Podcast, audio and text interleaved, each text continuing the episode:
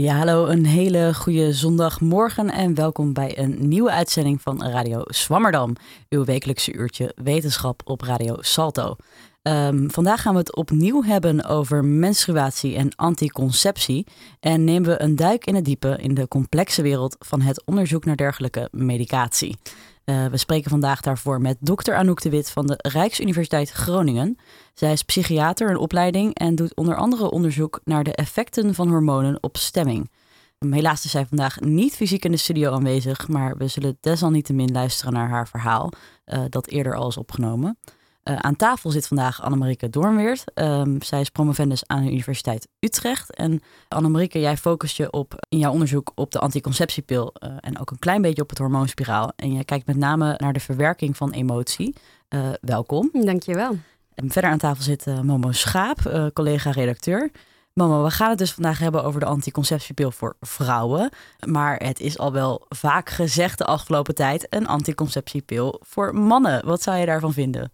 Ja, ik, ik, zat er net nog over na te denken. Um, ik zou het wel spannend vinden. Je hebt allemaal verhalen over uh, de vroege pil voor vrouwen en, en, en, en, mogelijke slechte gevolgen daarvan. En ook van vrienden van me die de pil slikken, ken ik verhalen over dat het ze. Uh, uh, wat een impact het heeft. Maar het zou natuurlijk wel niet. Ja, ik, ik zou wel moeten, denk ik. en zou je dat kunnen? Elke dag iets, die consequentie die je daar zeg maar. Je moet wel elke dag dan ook oh, die pil slikken? Ja, dat lukt wel. Nou, uh, we gaan het dus vandaag hebben over de anticonceptiepil. We houden die man, uh, mannenpil even buiten beschouwing. Uh, voor velen staat deze overigens bekend als de pil. Want de echte naam, nou ja, die verschilt een beetje per pil, maar is ook vaak een hele mond vol. Um, bijvoorbeeld levensorgestrol, ethiniestradiol. Uh, toch komt die naam natuurlijk ergens vandaan en uh, duidt het onder andere op de specifieke hormonen die de pil bevat.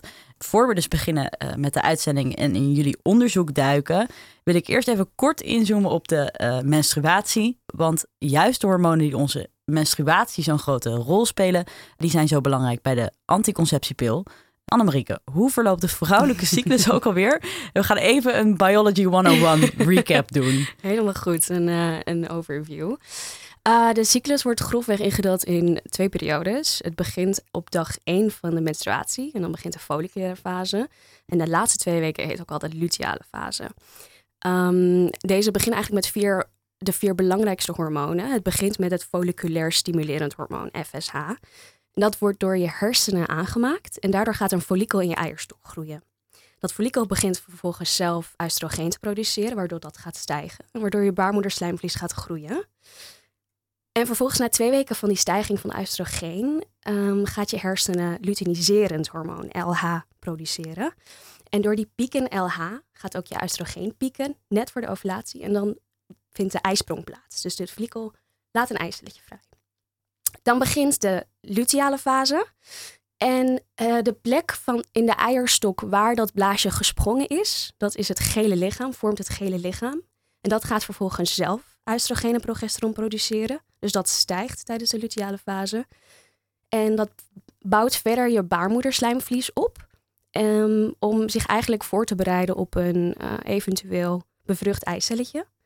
Als dat eicelletje er niet komt, dan wordt die baarmoederwand niet meer, wand niet meer onderhouden. En dan daalt de productie van oestrogeen en progesteron en wordt je opgesteld. Ja, dat was heel even inderdaad heel kort Biology 101. Een anticonceptiepil, waar, waar haken die dus over het algemeen op in? Ja, de anticonceptiepil over het algemeen dat bevat synthetische varianten van dus oestrogeen en progesteron. En wat dat doet is een soort negatieve feedback naar je hersenen van hè, we hebben genoeg van deze hormonen, dus je hoeft het zelf niet meer te produceren. En die fluctuaties die worden eigenlijk platgelegd. De hormoonwaarden, hormoonwaarden stabiliseren en ja, er is geen ovulatie meer en je wordt niet meer zwanger. Ja. Is, is dat dan hetzelfde als, als je, wordt, je hoort wel eens zeggen dat, dat je, je lichaam fopt uh, dat het zwanger is? Mm Kun je dat zo begrijpen? Ja, dat wordt inderdaad vaak gezegd. Ja, die fluctuaties zijn er niet meer. Dus ja, die baarmoederwand hoeft niet meer eigenlijk worden opgebouwd. En er is geen eicelletje meer om te bevruchten. Ja. Best wel gek eigenlijk als je er zo over nadenkt. Dankjewel voor die recap. Uh, dan hebben we in ieder geval een goede basis om uh, de uitzending uh, um, verder te gaan. Annemarieke, jij en trouwens ook Anouk, jullie doen beide onderzoek naar het effect van de anticonceptiepil op de stemming van vrouwen.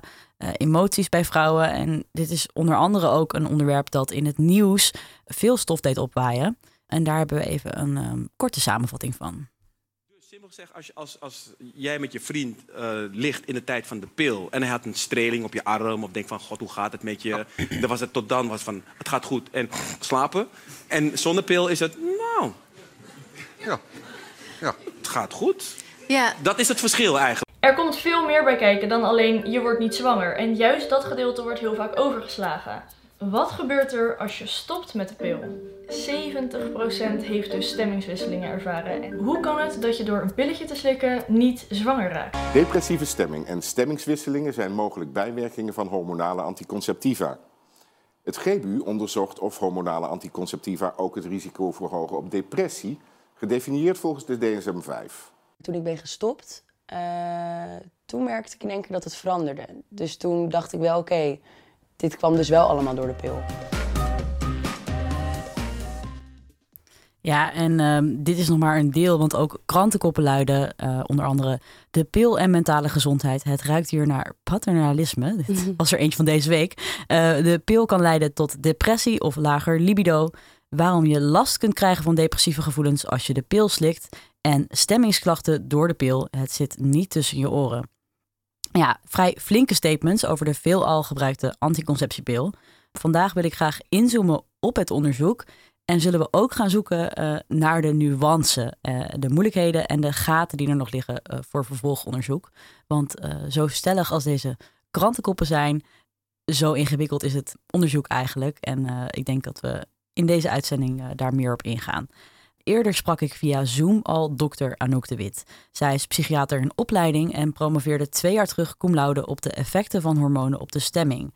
Uh, hier onderzocht zij onder andere of pilgebruik depressief maakt. En uh, we gaan even luisteren naar deze opname.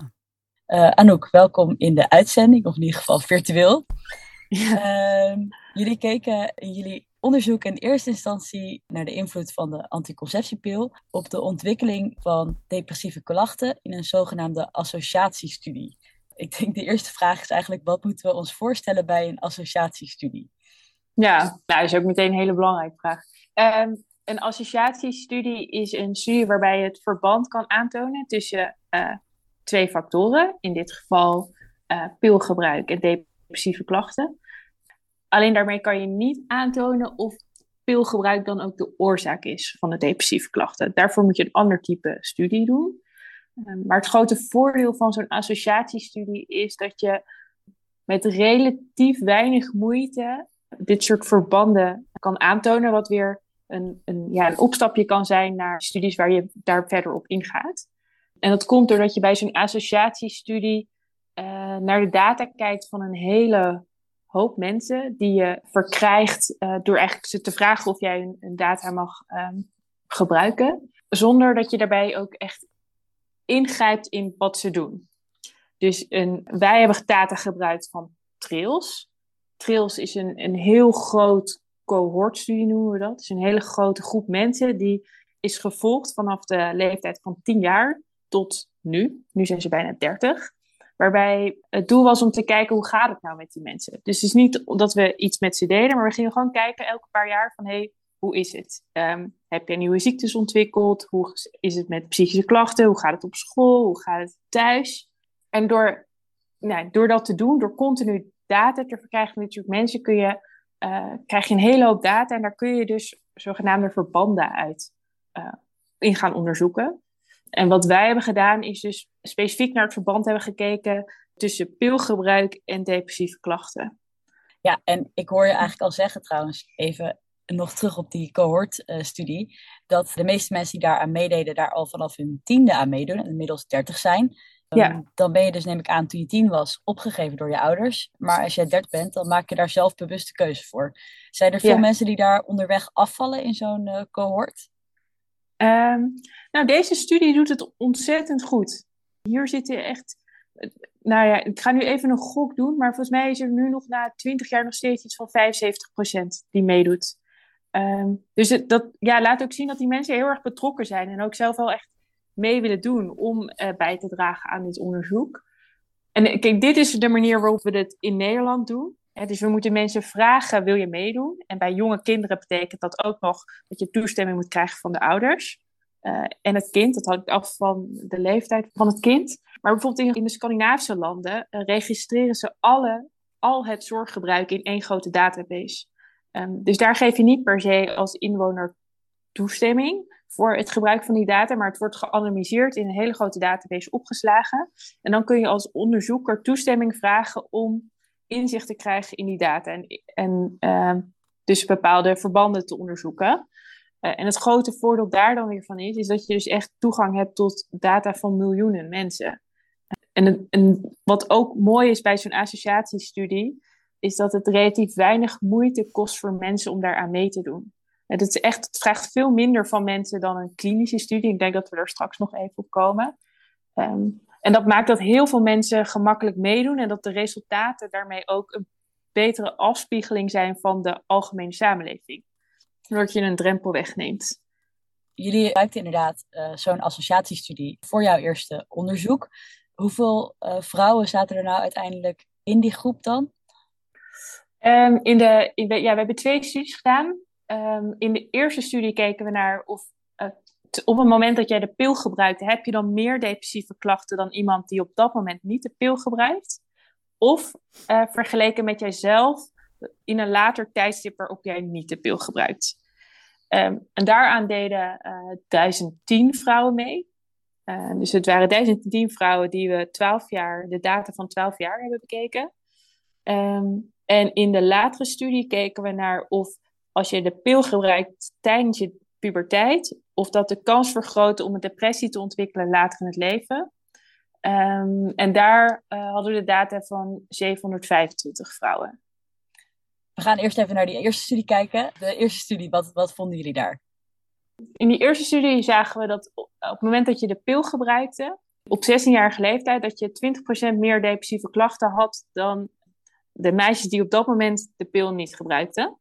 Dus daar vergeleken jullie 16-jarigen die wel de pil gebruikten met 16-jarigen die niet de pil gebruikten. Ja, klopt. Mhm. Maar dat effect verdween naarmate de vrouwen eigenlijk ouder werden. Dus op 19-jarige leeftijd en 22 en 25 hebben we nog gekeken, was er geen verschil meer tussen pilgebruiksters en niet-pilgebruiksters. Oké, en toen zijn jullie dus een tweede studie op gaan zetten. Ja, in de eerste studie kijk je dus naar depressieve klachten. En dat is echt iets anders dan een depressie. Een depressie is een diagnose. Um, klachten, je, hebt een hele hoop depressieve klachten nodig om de diagnose depressie te krijgen. Um, dus in die eerste studie kreeg ik naar klachten. En in die tweede studie wilden we kijken, ja, maar levert dat nou ook een diagnose op? Heb je ook echt meer diagnoses van depressie als je de pil gebruikt? En hoe lang houdt dat effect dan aan? Dus niet alleen als je nu de pil gebruikt, ben je dan uh, vaker depressief, maar ook ja, zegt dat iets over het risico uh, wat je loopt later in je leven. Um, en daar vonden we dat vrouwen die tijdens de puberteit de pil gebruikten, een groter risico hadden uh, op het ontwikkelen van een depressie later in het leven. Um, en dat we hebben gekeken tot 25 jaar. En dan zag je echt een significant verschil in het ontwikkelen van ja. een klinische depressie bij vrouwen ja. die dus uh, in hun jongere jaren de pil hadden gebruikt. Ja, dat klopt. Nou, dat zijn twee bevindingen in ieder geval met depressieve klachten en het ontwikkelen van een klinische depressie, uh, die jullie vonden uit jullie associatiestudies. Hoe ga je dan verder? Want je noemde net inderdaad al een klinische studie en daar wil ik een beetje naartoe. Wat is überhaupt het verschil tussen jullie associatieonderzoek in eerste instantie en dan ga je dus verder naar zo'n klinische studie? Hoe gaat die stap? Ja, um, nou ja, we merkten dat het heel, hele grote impact had. Uh, onze, uh, onze studies. Dus we toonden aan dat er meer depressieve klachten voorkwamen en dat vrouwen een hoger risico hadden om depressie te ontwikkelen. Um, en dat leefde heel erg in de samenleving. Er werd van alles over geschreven in de media ook. Uh, maar het grote nadeel van zo'n associatiestudie is, dat je niet kan vaststellen of de pil ook echt de oorzaak is van die depressieve klachten. Daarvoor moet je namelijk een, een andere studie doen, namelijk zo'n gerandomiseerde klinische studie dus omdat we merkten dat het zo erg leeft en wij zelf ook wilden weten, maar is nou echt die pil de oorzaak of zijn er andere factoren die verklaren waarom pilgebruikers vaker depressie krijgen? Um, hebben we eigenlijk alle data die er uh, wereldwijd bestaat van deze, dit soort gerandomiseerde klinische studies samengevat. Hebben we eigenlijk op één grote hoop gegooid en opnieuw geanalyseerd. En een gerandomiseerde klinische studie is een studie waarbij je vrouwen at random indeelt in een groep die de pil gaat gebruiken en een groep die de pil niet gaat gebruiken. Dus een placebo krijgt. Ehm, zonder dat die vrouwen weten of zij de pil of de pil wel gebruiken of de pil niet gebruiken. Uiteraard hebben we wel toestemming gegeven voor het onderzoek hoor. Je kan niet zomaar mensen van de straat plukken en daar ze dwingen hier aan mee te doen. En door het op deze manier te doen, kan je wel aantonen of iets uh, een oorzakelijk verband is of niet.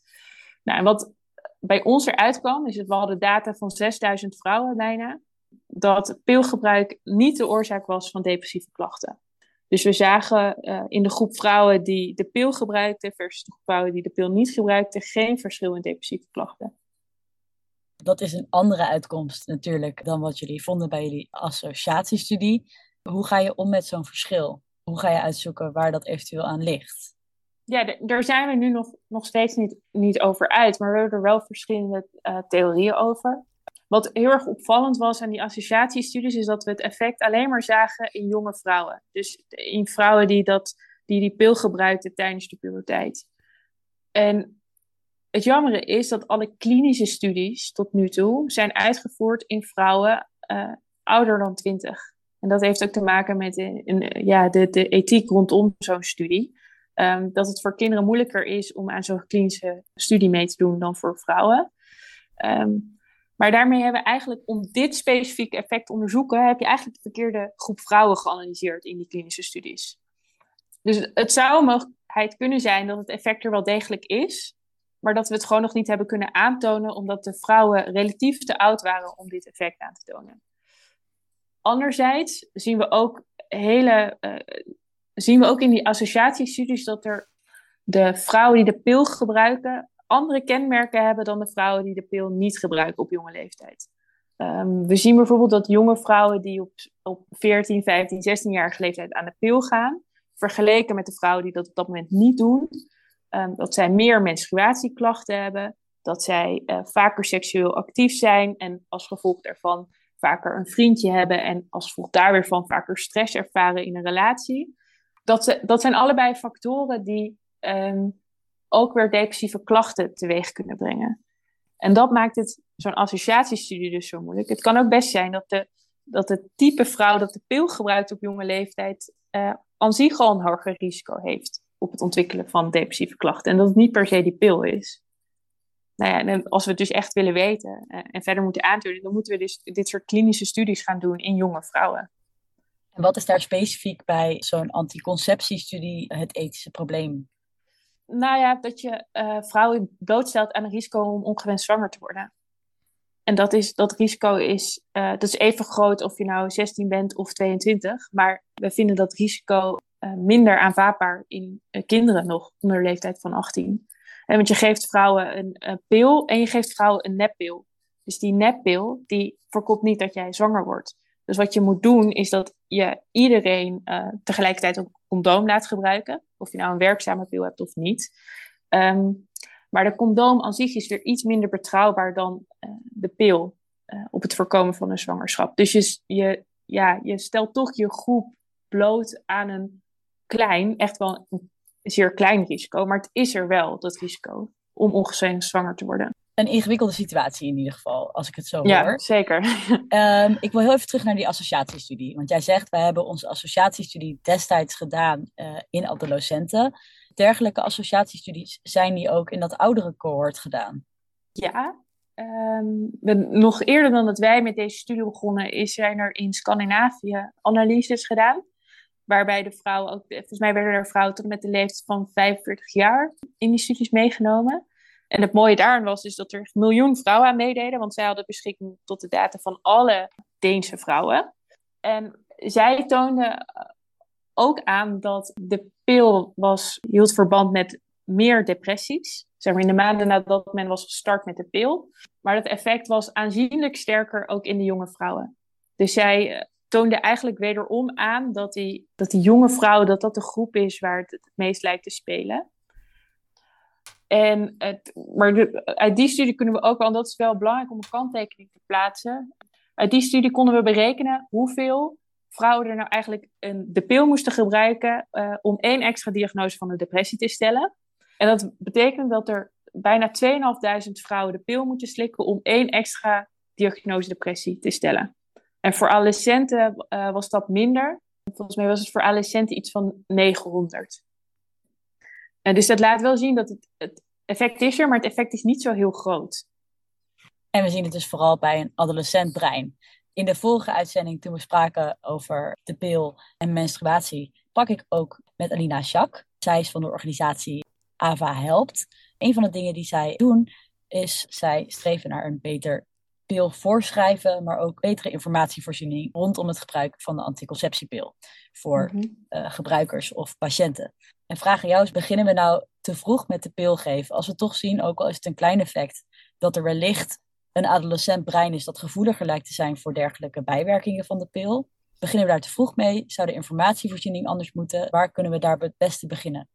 Nee, kijk, allereerst is het heel goed als je als, men en niet alleen dokters, maar ook gewoon iedere, elke vrouw zich meer bewust is van dat er een pil dat dat ook bijwerkingen oplevert, zoals elk medicijn. Ehm, maar of jij wel of niet start met de pil, is een afweging die je samen met je huisarts maakt. En daar moet je een aantal dingen in meewegen. Uh, allereerst dus, waarom wil je de pil gebruiken? Nee, meestal is dat uh, om ongewenste zwangerschappen te voorkomen. Uh, dat is omdat je menstruatieklachten hebt die je wil verminderen. Dat is omdat je controle wil hebben over je cyclus. Of het is bijvoorbeeld omdat je last hebt van acne en dat wil verminderen. Dat zijn allemaal ontzettend goede redenen om te starten met de pil. Um, en tot nu toe kunnen wij niet een inschatting maken welke vrouw last gaat krijgen van bijwerkingen en welke vrouw niet. Dus je kunt niet anders dan het proberen en het effect na drie maanden bijvoorbeeld te evalueren. En dat staat nu ook in de huidige richtlijn van huisartsen, om na drie maanden eens te kijken van nou, hoe bevalt nou zo'n pil? En want wat je, als jij last hebt van de pil, dan zijn er ook alternatieven. En je kunt ook een hormoonspiraal geven, um, of een koperspiraal, daar zit überhaupt geen hormonen in. Um, of een ander soort pil. Vind, beginnen we te, te vroeg? Nee, ik vind van niet. Het is namelijk een afweging die je moet maken met je huisarts. Wat voor jou de redenen zijn om te starten. En ik denk het voorkomen van ongewenste zwangerschappen, het, het verminderen van menstruatieklachten zijn hele goede redenen om dat te doen. En als er vervolgonderzoek zou komen, waar zou jij dan graag naar willen kijken? Want inmiddels ben jij psychiater in opleiding. Uh, ik denk niet dat jij zelf het onderzoek nog gaat doen. Maar wat voor vervolgonderzoek zou er volgens jou misschien moeten komen nog? Ja, ja wat ik merk in, gewoon ook in de kliniek en in mijn werk als arts, is dat we gewoon nog heel weinig weten over wat voor effecten uh, medicijnen hebben op een vrouw. Want de meeste medicijnen zijn gewoon getest in mannen. En dat is een algemeen probleem. En dat is ook een, iets waar denk ik de hele medische wetenschap aan moet gaan werken om dat te verbeteren. Dus dat is ook wat ik. Eh, ik ben psychiater in de opleiding, maar ik ga ook uh, onderzoek doen. Dus het is eigenlijk een, een duobaan. En dat is waar we de komende jaren aan gaan werken. Want we zien het niet alleen bij pilgebruik. En we zien het ook bij antidepressiva. We zien het ook bij antipsychotica. Bij heel veel dingen weten we gewoon eigenlijk niet hoe ziektes zich verlopen in vrouwen. En wat eigenlijk de optimale dosering is van medicijnen. En wat voor effecten die medicijnen nou precies hebben op het vrouwenlichaam. Dus dat is eigenlijk een algemeen ding waar we gewoon nog veel meer onderzoek naar moeten doen voor de speel in het specifiek uh, moet er onderzocht worden naar nieuwere varianten, verbeteringen van de pil. Moeten we de bijwerkingen en op welk type vrouw die misschien mhm. meer aanwezig zijn, de huidige pil, welke richting zou jij inslaan? Ja. Um, nou ja, ik zei, eerst moeten we ons focussen op die jonge vrouwen. Het liefst doe je dan klinische studies in, in die jonge vrouwen. Maar we weten ook dat de farmaceutische industrie dat op dit moment niet gaat doen. Want er zit helemaal geen geld meer in uh, voor hun, voor het uh, uh, ontwikkelen van nieuwe pillen. Dat komt omdat het patent al is verlopen van eigenlijk de pillen die we nu al hebben. En dat er eigenlijk best wel veel pillen al zijn. Dus zij gaan dit onderzoek niet doen. Dus als ze dat willen, dan zou het toch vanuit de universiteiten moeten komen. En wat ik dan het liefst zou gaan doen, is eh, kunnen we nou gaan voorspellen wie die vrouwen zijn die klachten ontwikkelen, bijwerkingen ontwikkelen van de pil. En dan moeten we niet alleen kijken naar depressieve klachten, uh, dan moet je ook kijken naar prikkelbaarheid. Dan moet je eigenlijk naar het hele spectrum van uh, bijwerkingen kijken. Um, maar ik denk dat we daar als, als arts en eigenlijk als medische wetenschap het meeste baat bij hebben. Is dat we een inschatting kunnen gaan maken van wie is nou gebaat bij deze pil en wie kan beter een hormoonvrije pil proberen? Of nou een hormoonvrije pil is geen zin, een hormoonvrije spiraal bijvoorbeeld. Ja, ik denk dat dat een heel duidelijk antwoord is. Daar wil ik in ieder geval dit deel van de uitzending mee afsluiten. Heel erg bedankt Anouk dat je op deze manier wilde aansluiten in de uitzending. En ik wens je heel erg veel succes uh, met je verdere opleiding. En hopelijk zien we dit onderzoek ergens nog een keer terug. Ik hoop het ook. Ja, ik uh, denk dat dit fragment in ieder geval heel goed laat zien hoe moeilijk en complex dit onderzoek is. Uh, enerzijds vond Anouk dus in een associatiestudie studie een verband tussen de pil en depressieve klachten. Anderzijds is dat vervolgens lastig te bevestigen als oorzaak-gevolg relatie in klinische studies. En dan komen daar dus nog de ethische problemen uh, bij van dergelijk onderzoek rondom medicatie in jonge minderjarige vrouwen, maar ook onderzoek rondom vruchtbaarheid en anticonceptie. En dan hebben we het nog niet eens gehad over het geld voor dergelijk onderzoek, waar we dat vandaan halen in een farmaceutische wereld die uh, vooral ook te maken heeft met een winstmarkt en afwegingen maakt over het nut voor hen als bedrijf. Um, Annemarieke, ik zou het nu heel graag over jouw onderzoek uh, willen hebben um, aan de Universiteit Utrecht. Ook jij doet onderzoek naar de anticonceptiepil. Nou, in het veld, zoals we net al hebben gehoord, bestaat dus veel onzekerheid over wat de effecten nou precies zijn met de betrekking tot de relatie met depressie, maar, maar ook de algehele gevolgen voor de stemming, emoties van de vrouw. Um, wat was jouw startpunt voor jouw onderzoek? Het startpunt van mijn onderzoek was eigenlijk ook wat Anouk al uh, aangaf, de associatiestudie. Hè, um, Anouk heeft een ontzettend mooie studie opgezet en uitgevoerd. Um, waarin inderdaad die depressieve symptomen uh, leken toe te nemen bij vooral de jonge meiden. Maar over het gehele veld dat onderzoek doet naar het effect van de pil op die depressieve symptomen en diagnoses, dat is super tegenstrijdig. De ene studie vindt inderdaad zo'n effect, en vooral die hele grote Scandinavische studies. Maar heel veel studies vinden ook geen effect of zelfs een beschermend effect. Dus er zijn nog heel veel tegenstrijdige uh, resultaten in. En um, wat Anouk's onderzoek inderdaad ook leek te, uh, aan te geven, is dat die jonge populatie heel gevoelig lijkt te zijn. Dus wij wilden daar verder naar kijken.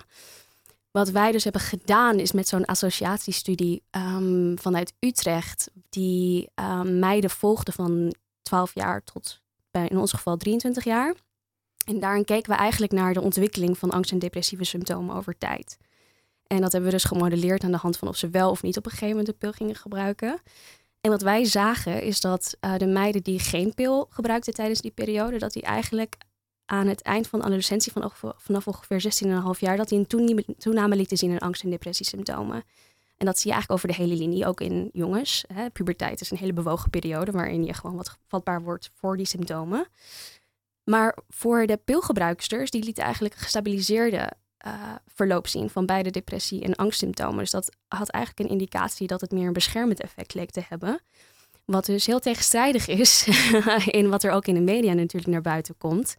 Um, en wat wel aangeeft hoe complex het verhaal is. En wat vooral van belang hier was, hè, wat Anouk ook al zei.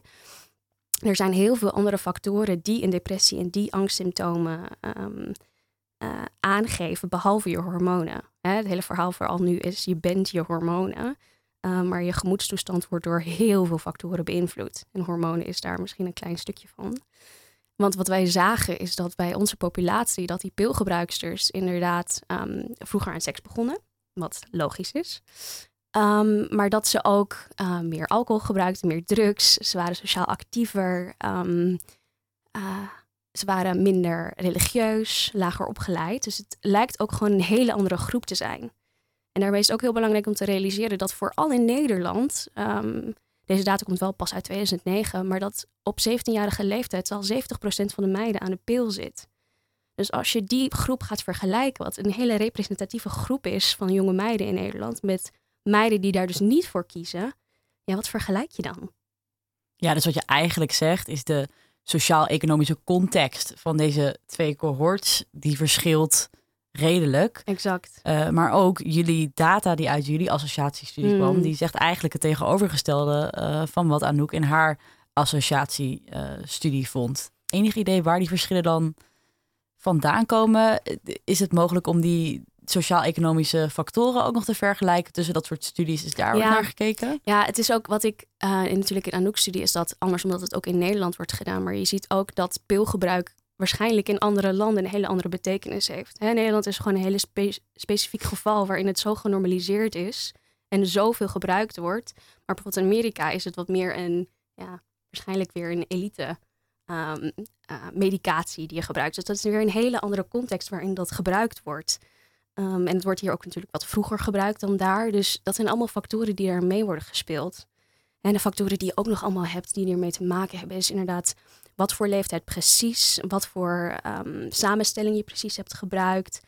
Dus dat zit allemaal nog, wat voor reden, wat voor reden precies heb je eh, gekozen om aan de pil te beginnen. Dus waarschijnlijk zijn de effecten anders als je dat voor anticonceptie gebruikt dan als je dat voor, als je al last hebt van die schommelingen gebruikt.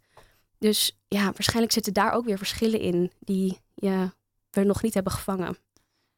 Ehm, nou ja, je start inderdaad dus ook vanuit zo'n associatiestudie. Ehm, ja, je ziet daar een ander resultaat uitkomen. Het was al duidelijk, het is een gecompliceerd Mm. verhaal. Ik denk dat we dat gewoon kunnen stellen. Eh, een deel van de literatuur laten zien. Er is een link tussen depressie en de pilgebruik. Een ander deel van de literatuur en onder andere jouw onderzoek laat zien, nou, het stabiliseert juist. Ehm, vervolgens ga jij je vervolgonderzoek opzetten. Ehm, jij ging niet richting de klinische kant. Eh, jij ging meer richting een experimentele setting. Eh, hoe, hoe zet je zo'n vervolgonderzoek dan vervolgens op? Ja, dus we hadden zoiets van: oké, als je dus naar symptomen of diagnoses kijkt, er zit zoveel ruis in. Wat zou er ehm, eigenlijk onder een motorkap gebeuren dat ervoor kan zorgen dat je inderdaad uiteindelijk tot die diagnose of tot die depressie of angstsymptomen komt? Dus wat gebeurt er tussen het slikken van de pil en het ervaren van een sombere stemming eh, dat daarmee geassocieerd wordt? Dus wat wij hebben, ehm, die stap daartussen hebben we eigenlijk besloten om daarnaar te kijken op een meer experimentele manier omdat ehm, er eigenlijk al heel lang onderzoek bekend is dat je hormonen, waar we het in het begin van de uitzending inderdaad over gehad hebben, oestrogeen en progesteron, die lijken in, ehm, dat is vooral aangetoond in diermodellen, dat die receptoren hebben in hersengebieden die verantwoordelijk zijn voor je emotieverwerking. Ehm, en dat verandert dus de functionaliteit, maar ook de structuur. Ehm, bijvoorbeeld over je cyclus, maar ook over verschillende periodes van je vruchtbare leven heen. Want heel eventjes eh, voor de basisbiologie. Eh, we hebben het hier dus inderdaad over die hormonen. Ja. Ehm, hoe werkt dat dan precies? Je noemt even kort het woord receptor. Exact. Ja, dus die hormonen die kan je eigenlijk zien als een soort ehm, chemische boodschappers. En het, het vette aan hormonen is, is dat die vooral in je lichaam natuurlijk heel actief zijn. Dus die reguleren je slaap, maar ook je immuunsysteem. En je ziet hoeveel hormonen aan een lijf kunnen veranderen als iemand zwanger wordt. Ehm, dat is altijd een goede indicatie. Maar hormonen zijn bijzonder omdat die ook de hersenen kunnen bereiken. En die gaan daar ook dus allemaal verschillende dingen doen. Ehm, waaronder dus eh, hersengebieden ehm, eigenlijk daaraan linken door die receptoren. Het is een soort sleutel-slot-verhaal. Ehm, en dan kan je dus je, je hersenactiviteit veranderen en alles wat ermee eh, gepaard gaat. Dat was eventjes de duidelijkheid voor de niet-bioloog eh, hier aan tafel. Ehm, we hebben dus dat sleutel-slot-systeem. Je Mhm. zegt al, eh, uit dieronderzoek is duidelijk geworden... die hormonen die doen ook iets in het brein. Mhm. Ehm, vanuit daar ging jij je onderzoek starten. Exact. Dus wij hadden zoiets van: oké, als je daar dus door middel van de pil ehm, die hormonen verandert, dan waarschijnlijk verandert dus ook die werking van je hersenen. Dus kunnen we daarin iets gaan bekijken, wat ook minder subjectief is. Hè? Want mensen zijn over het algemeen ontzettend slecht in aangeven hoe ze zich voelen. Ehm, kunnen wij die bias en die ja, invloed van al die andere factoren die meespelen, kunnen we die een beetje weghalen? Dus dat we kijken, oké, wat gebeurt er nou in die mechanismes waarvan we ook weten dat die gevoelig zijn uiteindelijk voor het ontwikkelen van angst en depressie. En wat wij dus hebben gekeken is die emotieregulatieprocessen. Dus eigenlijk hoe reageer jij, hoe, ehm, eh, hoe ontstaan emoties in jou en hoe reageer jij daarop? Je kan bijvoorbeeld heel angstig een angstgevoel hebben, maar hoe ga je vervolgens met dat angstgevoel om? Wat gebeurt daar nou? En is dat misschien een factor wat, wat kan verklaren wat er gebeurt aan de hand van die hormonale anticonceptie?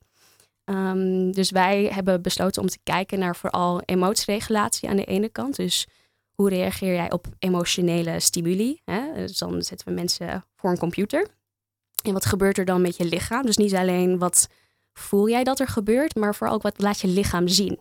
Hè, dat is natuurlijk extra relevant met als je naar hormonen kijkt. En hoe, hoe controleren jullie dat dan? Of hoe zie je hoe dat lichaam dat ervaart? Ja, wat wij dus ehm, in onze studies nu hebben gedaan, ehm, is dat je mensen aan de ene kant, we hebben een studie vooral met die emotieregulatie. Dan doen we een soort badmuts op, waarin we allemaal elektrodes um, aan gaan aansluiten.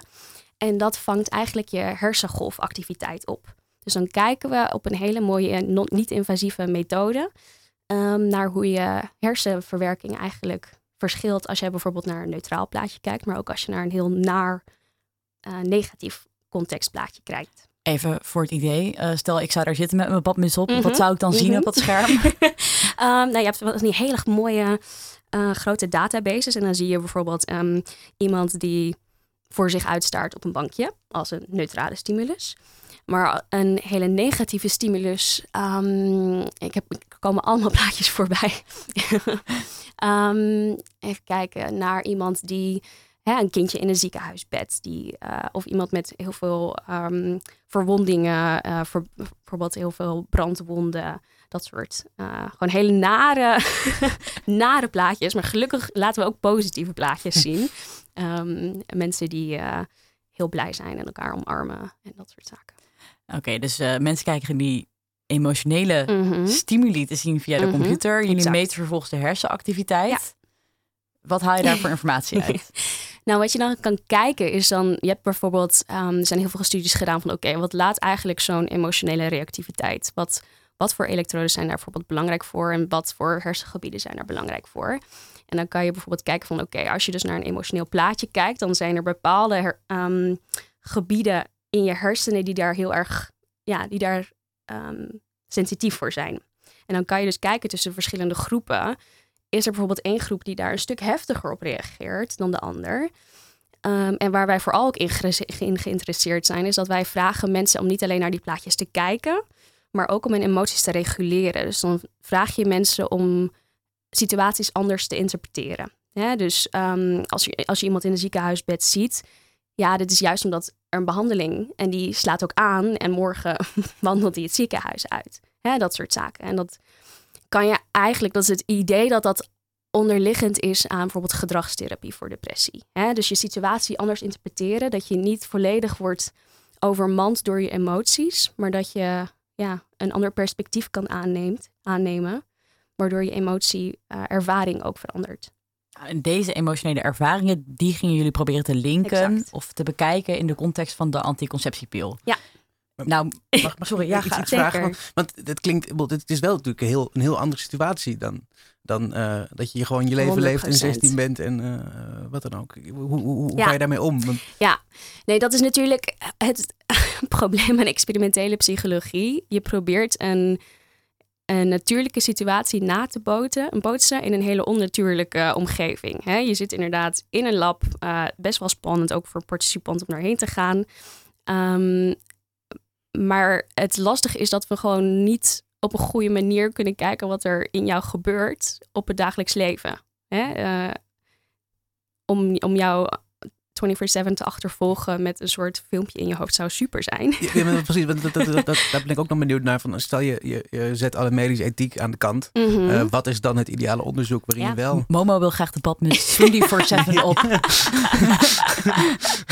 nou, de ideale situatie is dat je natuurlijk, hè, wat je eigenlijk gewoon bij muizen kan doen, dat je eigenlijk die hersenen gewoon kan opengooien uh, en daar de activiteit direct meten. Want dit zijn allemaal indirecte maten.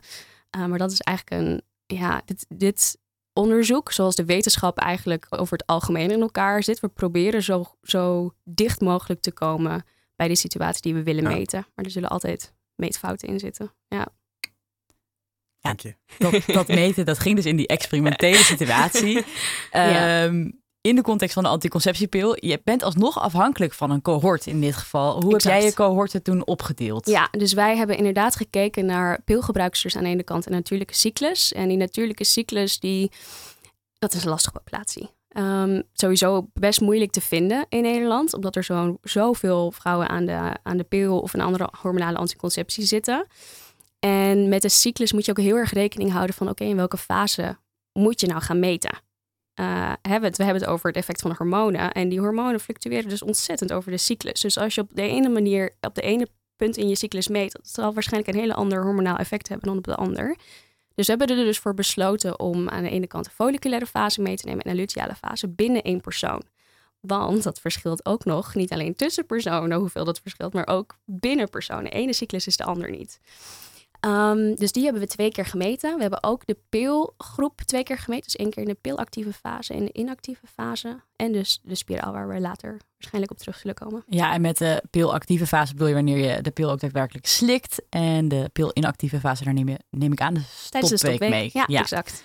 Uh, wat kwam daaruit? Um, nou, dit zijn allemaal... Ik heb echt twee weken geleden de grote analyses gedraaid. Dus het is allemaal hele nieuwe informatie. Kijk, dit is heel mooi, want voor de luisteraar, deze uitzending is twee keer uitgesteld. dus als we dit eerder hadden gedaan, hadden we gewoon deze resultaten niet, Dan gehad. Was dit er niet, nee. Um, nee, dus dit moet allemaal nog uh, extra geanalyseerd worden en um, opgeschreven worden. Dus. Uh, Primeur. Ja. um, wat we eigenlijk zien is dat pilgebruikers. Nou ja, ten eerste, als we naar de na natuurlijke cyclus kijken, is dat tijdens die luteale fase, um, waarin die progesteron en oestrogeen hoog zijn, en die, dat is ook die week voor de menstruatie, die ook wel de beruchte PMS-week, dat we daar zien dat vrouwen een stuk heftiger die emotionele reactie hebben op negatieve plaatjes. Uh, dus die activiteit daar, die, die is gewoon zoveel heftiger dan tijdens de folliculaire fase. Dus die emoties komen veel harder binnen. Wat als, je, als je kijkt naar hoe vrouwen zich over het algemeen zeggen te voelen, dat komt eigenlijk wel overeen. Dus dat is een, uh, een indicatie dat die taak wel redelijk gevoelig is voor ook hormonale uh, veranderingen. En wat we zien bij de pilgebruikers is dat die activiteit minder is. En dat maakt niet uit over negatieve plaatjes of over positieve plaatjes. Die activiteit is gedempt. En eigenlijk kan je dat dus heel mooi uh, parallel trekken tussen wat het doet met je, met je hormonen. Het dempt je hormonen. En dat doet het dus ook met je emoties. En de interpretatie daarvan, daar kan je natuurlijk zeggen van ja, je zou eigenlijk verwachten, als die associatie met depressie er is, dat die negativiteit eigenlijk nog heftiger zou moeten zijn. Maar je kan natuurlijk ook zeggen, die demping wordt ook gedaan met je positieve emoties. Dus ook met je negatieve emoties. En wat je vaak ook hoort uit de verhalen van pilgebruiksters, er lijkt een soort van zware deken over je heen te vallen. Of um, ja, een soort van grijze waas waar je in zit. En dat gebeurt natuurlijk ook met depressie, waarin je gewoon heel um, je gevoelsleven gedempt wordt. Um, dus dat zou een mogelijke uh, indicatie kunnen zijn van wat er eigenlijk gebeurt. Ja, dus eigenlijk zeg je, die, die pil dempt dus via die receptoren in je hersenen, dat sleutel-slotsysteem, ook een beetje die emoties, positief en negatief. Mm -hmm.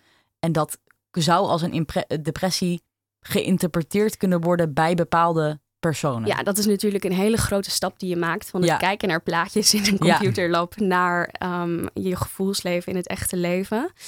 Um, maar je kan je wel voorstellen als we dan weer een link leggen naar die eerste studie van me, waarin dus ook een eigenlijk heel gestabiliseerd um, verloop is, dat dat ook weer eenzelfde verhaal is. Hè? Die hormoonvariatie die je met je natuurlijke cyclus hebt, die heb je niet meer.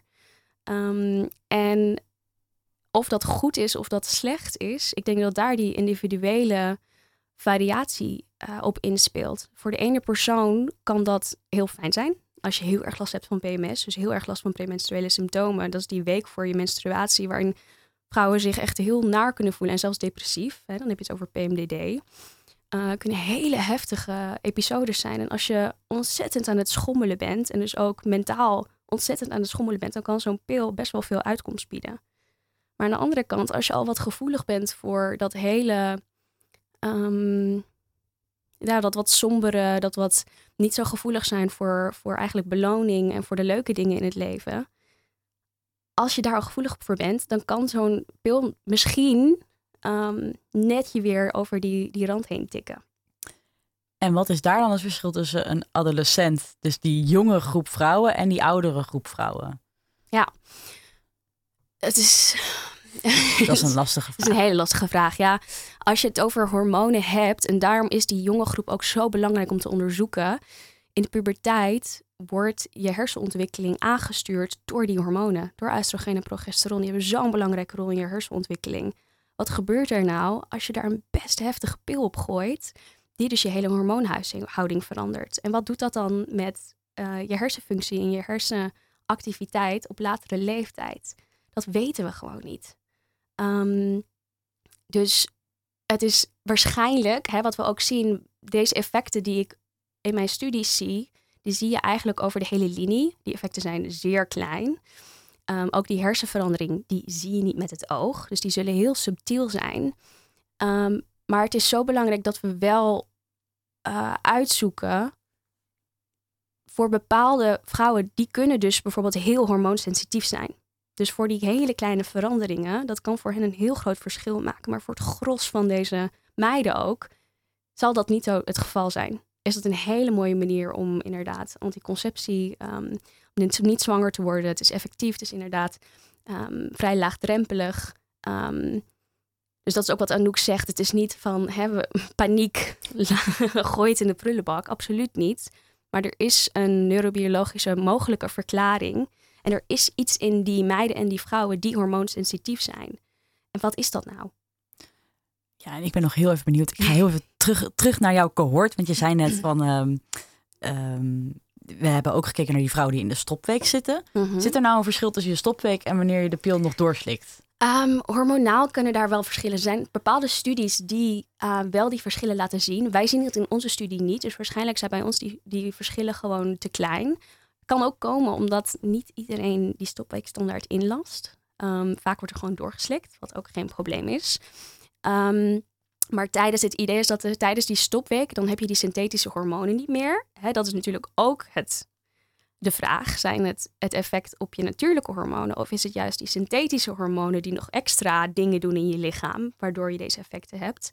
Dus die synthetische hormonen tijdens de stopweek die worden gestopt en het idee is dat je natuurlijke hormonen dan net weer iets omhoog komen. Dus wat gebeurt er dan? En dat, daar zie je dus, dat is, dat is de vraag. Stilte, wat gebeurt er dan?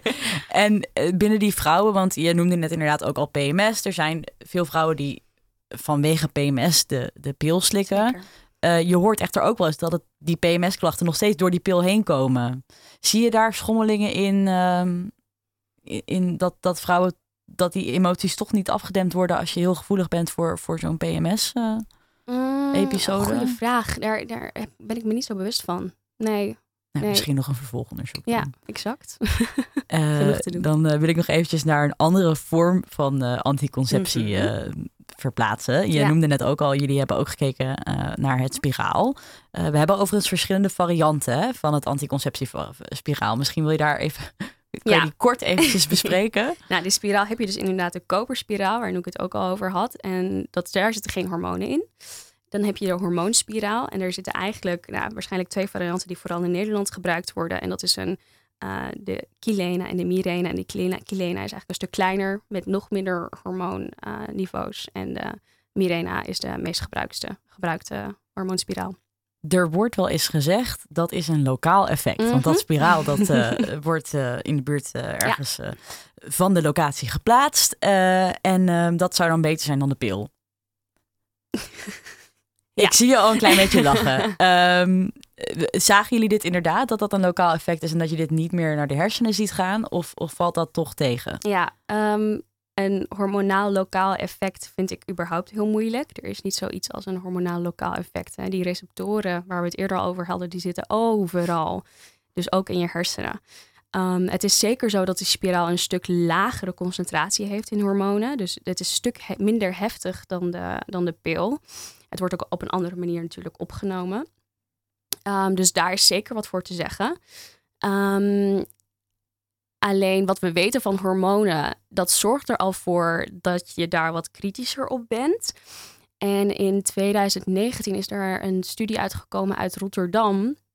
Die keek naar de uh, stressreactie.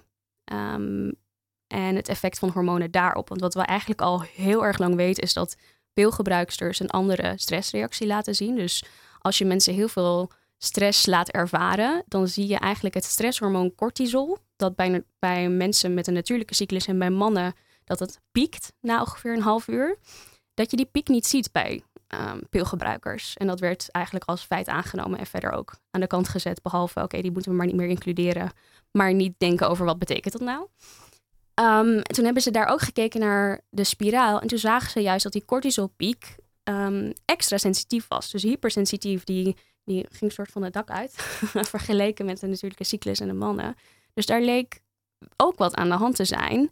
En als je alleen maar een lokaal effect daar verwacht, dan is het de vraag: waarom gebeurt dat dan? Dus er lijkt zeker wel iets centraals aan de hand te zijn, wat ook logisch is door die hormonale effecten. Er zitten nog steeds hormonen in. Het doet nog steeds iets met je hormonen. Ehm, het probleem hier is dat de spiraalgroep natuurlijk ook weer een hele specifieke populatie is, die al heel lang waarschijnlijk de pil heeft geslikt, die daar waarschijnlijk niet tevreden mee is. Misschien dus ook stemmingswisselingen ervaart daardoor, waardoor ze dus op een andere anticonceptievorm zijn overgegaan. Dus hoe speelt dat dan hier weer mee? Ja, en qua hormonen, hoe verschilt die spiraal nou met de pil? Een spiraal, wat de pil vaak heeft, is een synthetische vorm van beide progesteron en oestrogeen. Spiraal heeft alleen maar progesteron. Dus die heeft die extra oestradiol heeft die niet. Dus we, we zien een iets andere hormoonsamenstelling. Exact. Wel alsnog een hormoonsamenstelling. Ja. Die aflevering is, gaat wel op een andere wijze. Ja. Uh, hoe lokaal het is, dat, daar kan je dus je vraagtekens bij plaatsen. Maar beide lijken in ieder geval iets, iets te doen met emotieverwerking. Mm -hmm. Maar misschien net iets anders. Exact, ja. Uh, nou, daar uh, sluit ik dit onderdeel van de uitzending denk ik eventjes mee af. Uh, want ik wil graag nog naar onze column luisteren. die werd geschreven door columnist Roos Vervelde. En ehm, die noemde deze column De Voldemort van de farmacie. Ik ben boos, zeg ik steunend tegen de bedrijfsleider van de bar waar ik werk. Ik werk me helemaal de pleuris en toch gaat het die mensen niet snel genoeg. Mijn baas lacht terwijl ze bierglazen spoelt. En dan ben ik ook nog eens enorm ongesteld. Ik lig gebogen over een tafel, probeer mijn buikspieren wat rust te gunnen. Mijn collega geeft me ibuprofen.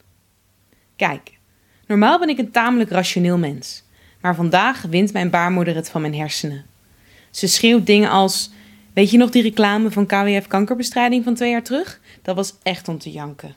Of menstruatieklachten zijn echt zo niet feministisch? Mijn baarmoeder gedraagt zich als een labiele huisvrouw uit de jaren 50. Ze voelt zich onweerstaanbaar, maar dan met een nadruk op onweer. Daarom begon ik op mijn zeventiende aan de pil. De enige pil waarvan we een echte naam niet eens hoeven te kennen. Als de Voldemort van de farmacie. En eerlijk gezegd was het heerlijk. Het hield de pijn in bedwang en zelfs mijn emoties. Maar na een jaar of vijf begon het te irriteren. Ik werd bang voor de stopweek, de week waarin je even stopt met de pil en je lichaam toch ongesteld wordt. Mijn emoties in die week werden zo intens dat ik niet wist wat ik met mezelf aan moest. Ik ging naar de huisarts met mijn emotionele en depressieve klachten, maar die wist het ook niet. Ze zei: Ja, wat wil je dat ik doe? Ja, dat wist ik dus precies niet. Ik ging de pil de hele maand doorslikken. Wat het in eerste instantie beter maakte, maar na een jaar merkte ik dat ik emotioneel veranderd was. Ik was misschien minder labiel, maar mijn emoties waren afgevlakt. En het opvallendste? Ik was nooit meer boos. Alle frustraties en ergernissen die een oorzaak hadden van buitenaf, uitten zich in innerlijk verdriet. Narigheid keerde zich naar binnen en niet naar buiten, en het is veel lastiger om daarmee om te gaan. Toen heb ik de keuze gemaakt om te stoppen. Op mijn zeventiende waren de hormonen een oplossing, maar ondertussen een onderdrukking. Want is het wel mijn verdriet als het wordt veroorzaakt door een pil? Ben ik mijn emoties als de emoties niet komen uit mij? Ik ben alweer bijna twee jaar gestopt met de pil. En elke maand is het weer een struggle, waarbij ik soms een dag niet kan functioneren van de pijn. Maar er hangen ook slingers aan mijn baarmoederwand. Want de rest van de maand ben ik mezelf, met mijn eigen emoties en ben ik boos, want ik ben fucking ongesteld. Ja, een heel erg mooi persoonlijk verhaal van uh, Boze Roos. Um, onze columnist Roos Vervelde schreef dit. Um, en ik denk gewoon dat zij een paar mooie afsluitende dingen noemt over deze uitzending. Uh, uh, over het onderzoek naar de anticonceptiepil en menstruatie. En daarmee zijn we ook bij het einde beland. We bespraken vandaag in het tweede deel van dit tweeluik over anticonceptie en menstruatie. Onderzoek naar de anticonceptiepil en de link tussen anticonceptie en depressie, maar ook uh, emotieverwerking in vrouwen die gebruik maken van de anticonceptiepil. Ik sprak daarvoor dokter Anouk de Wit en Annemarieke Doornweert en duidelijk werd hoe complex dit onderzoek nog is, uh, hoe lastig het is om een eenduidig antwoord te krijgen, hoe lastig ook de mensen waar je onderzoek naar doet zijn, hoeveel factoren er eigenlijk meespelen um, en hoe lastig het misschien ook soms wel is en dat is misschien nog wel uh, het meest belangrijke om geld te krijgen voor dit onderzoek. Uh, en één ding blijft wel, denk ik, overeind staan. Dat is dat meer onderzoek nodig is. Uh, naast mij zit mijn co-presentator Momo Schaap. En de column van vandaag, die we net hoorden, die werd dus verzorgd door Roos Vervelde. Uh, in het techniekhok zit Bart Verplanken. Uh, dank daarvoor. Nou, heeft u nu vragen over deze uitzending of wellicht een onderwerp waar u een keer meer over zou willen horen? Dan kunt u ons altijd mailen op redactie.radioswammerdam.nl. Maar ook zijn we bereikbaar op de sociale media. Uh, we zijn te vinden als Radio Zwammerdam op Instagram, Twitter en Facebook. Deze uitzending kunt u vanaf vanmiddag terugluisteren op uw favoriete plot, pod, uh, podcastplatform. En uh, een van die favoriete podcastplatforms is Spotify. Uh, daar kun je ons ook volgen en dan mis je nooit meer een nieuwe uitzending. Volgende week zondag om 11 uur zijn we er weer live op de radio. Uh, sterker nog, dan ben ik er weer. En dan uh, gaan we het hebben over dierentaal. Want wat als dieren konden praten? Um, als het aan dokter Kernbakker ligt, dan is dat met de toekomst van de AI. Duurt dat niet lang meer. Um, nou, denk daar vooral even over na. En luister volgende week weer mee. Voor nu wens ik u een hele fijne zondag. ik ben Tanne van der Wal en u luisterde naar Radio Swammerdam.